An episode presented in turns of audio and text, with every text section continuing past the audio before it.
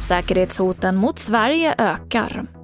De som haft covid-19 under det senaste halvåret bör inte vaccinera sig, det säger Svenska infektionsläkarföreningen.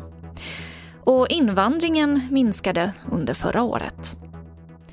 TV4-nyheterna börjar med att hotet från främmande makt och våldsbejakande extremism fortsätter att öka.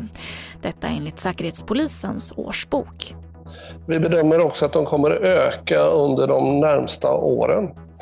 Eh, och eh, hotbilden mot Sverige den är breddad, den är mer komplex än den har varit tidigare. Angreppen mot Sveriges säkerhet eh, gör att våra demokratiska värden utmanas. Det sa säkerhetspolischefen Claes Friberg under en pressträff tidigare idag. De personer som haft covid-19 under det senaste halvåret bör avstå från att vaccinera sig till förmån för de som saknar antikroppar. Det här menar Svenska infektionsläkarföreningen som nu uppmanar Folkhälsomyndigheten att ändra sina rekommendationer.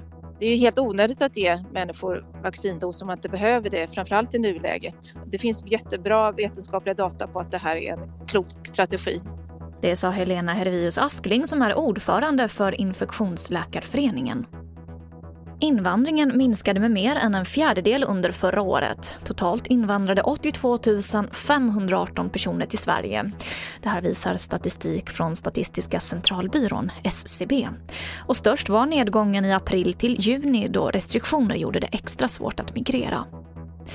Och vi avslutar med att Lidingöloppet förlängs med en vecka för att öka tryggheten för löparna på grund av rådande omständigheter kring covid-19.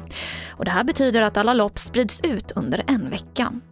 Lidingöloppet är världens största terränglopp och en del av en svensk klassiker. Och det var det senaste från TV4 Nyheterna. Jag heter Emily Olsson.